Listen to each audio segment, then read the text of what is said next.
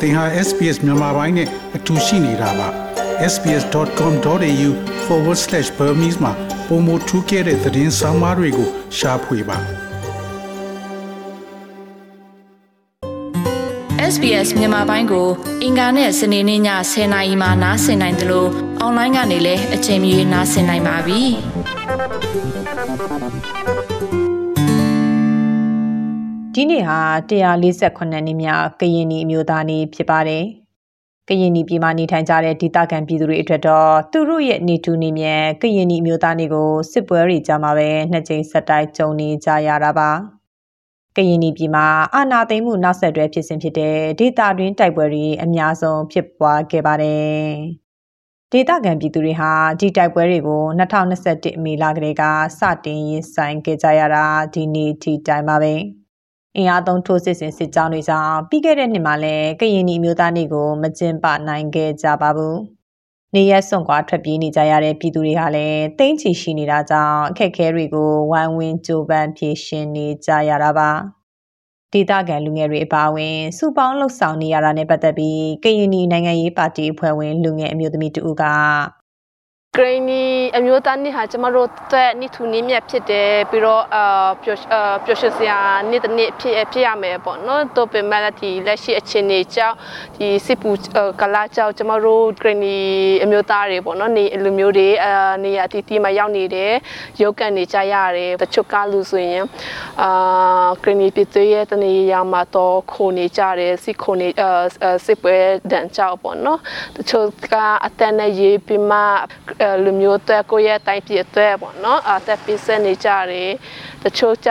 တော့မတူတော့မှမရှိရှိမဲ့ဥစ္စာတွေနဲ့ပေါ့နော်ထုတ်ရောက်ပြီးမှဒီက IDP တွေကိုကူညီအကူညီပေးကြတာတွေရှိတယ် 1885ခုနှစ်ဇွန်လ22ရက်မှာကရင်နီပြည်ကိုတိကျလွတ်လပ်တဲ့ပြည်နယ်အဖြစ်မြန်မာပြည်ဘီရင်ခံကိုယ်စားလှယ်ကင်းဝင်မင်းကြီးနဲ့ပြည်တိချဘီရင်ခံချုပ်စာတော့ကလပ်ဖော့ဆက်တို့လက်မှတ်ရေးထိုးခဲ့တာကိုအစွဲပြုပြီးကရင်နီအမျိုးသားနေ့အဖြစ်သတ်မှတ်ခဲ့ကြတာပါ လွန်ခဲ့တဲ့နှစ်ပေါင်း100ကျော်ကလေးကလွတ်လပ်တဲ့ပြည်နယ်အဖြစ်သတ်မှတ်ခံထားရတဲ့ကရင်နီကပြည်သူတွေဟာ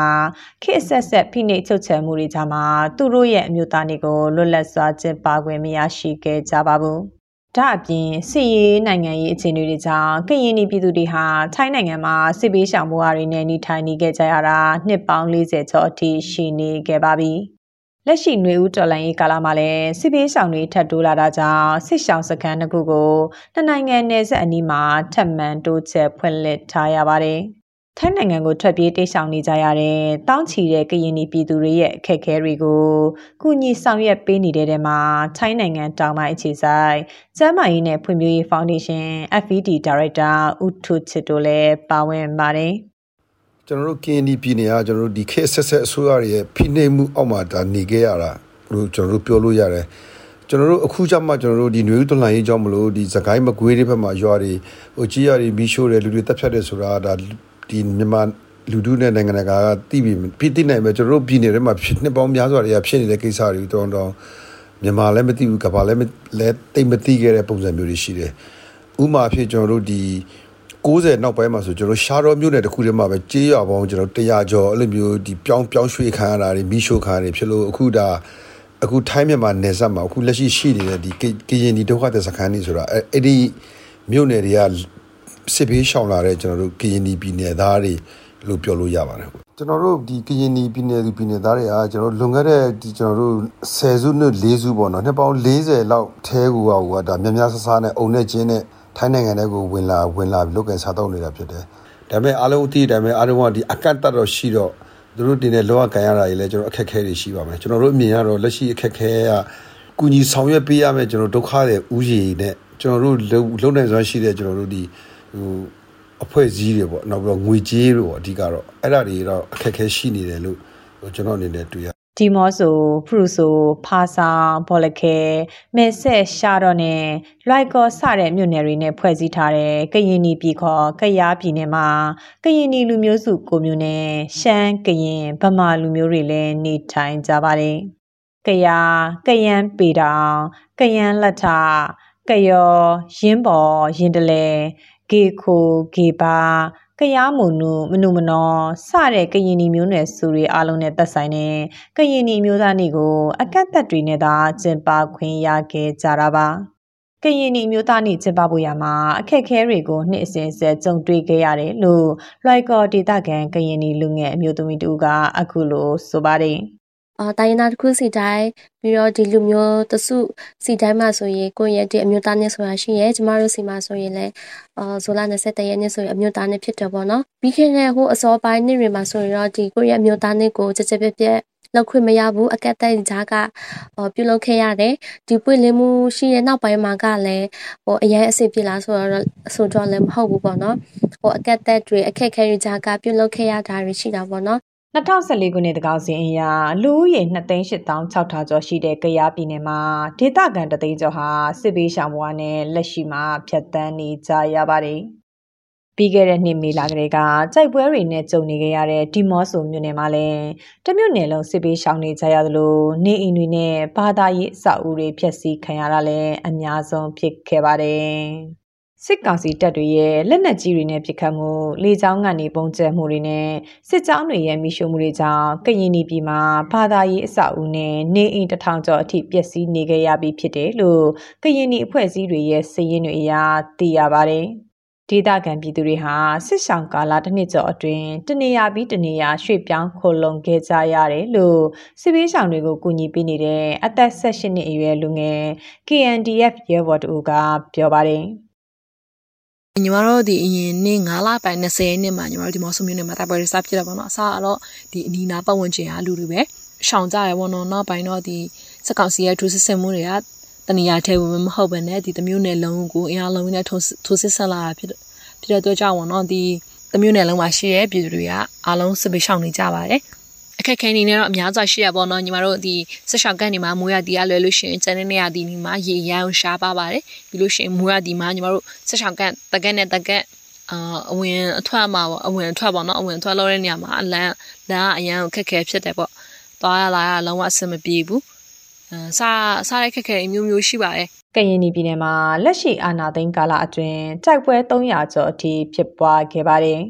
တိုက်ပွဲတွေအတွင်းစစ်ကောင်စီတပ်ဖွဲ့ဝင်1200ကျော်အထိသေဆုံးထားပြီလို့တိုးတက်သောကရင်ပြည်သူ့အင်အားစု PKPF ကဂျွန်လာဆန်းမှာထုတ်ပြန်ထားပါတယ်။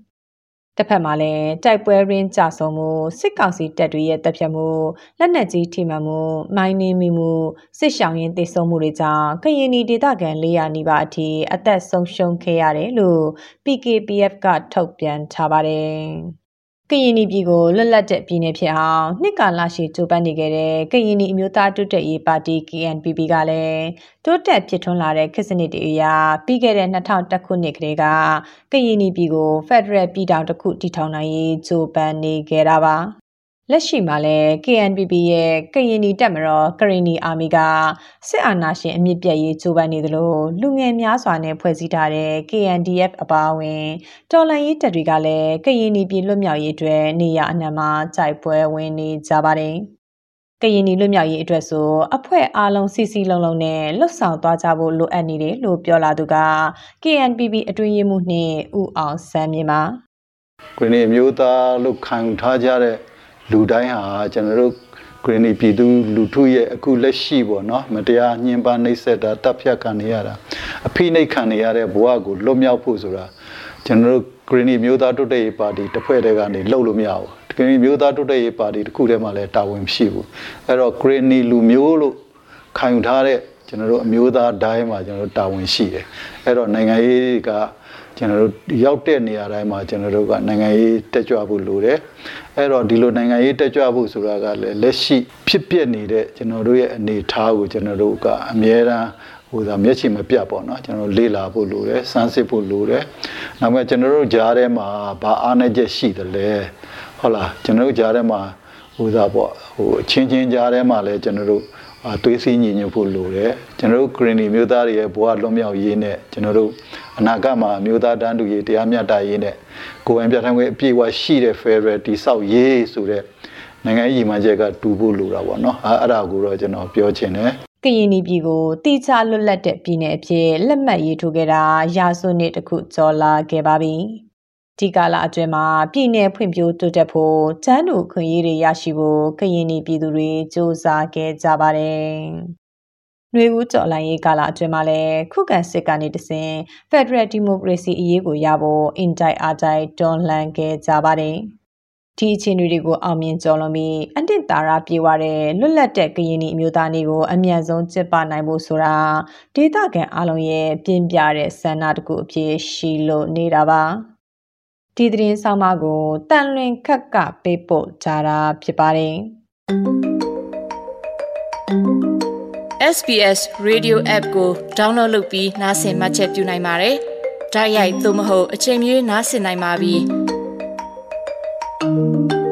စစ်တမ်းမှာပါဝင်နိုင်သလိုဆက်သွယ်မှုလည်းပြုလုပ်နိုင်ပါတယ်။ Google Play ဒါမှမဟုတ် App Store မှာအခမဲ့ရယူနိုင်ပါပြီ။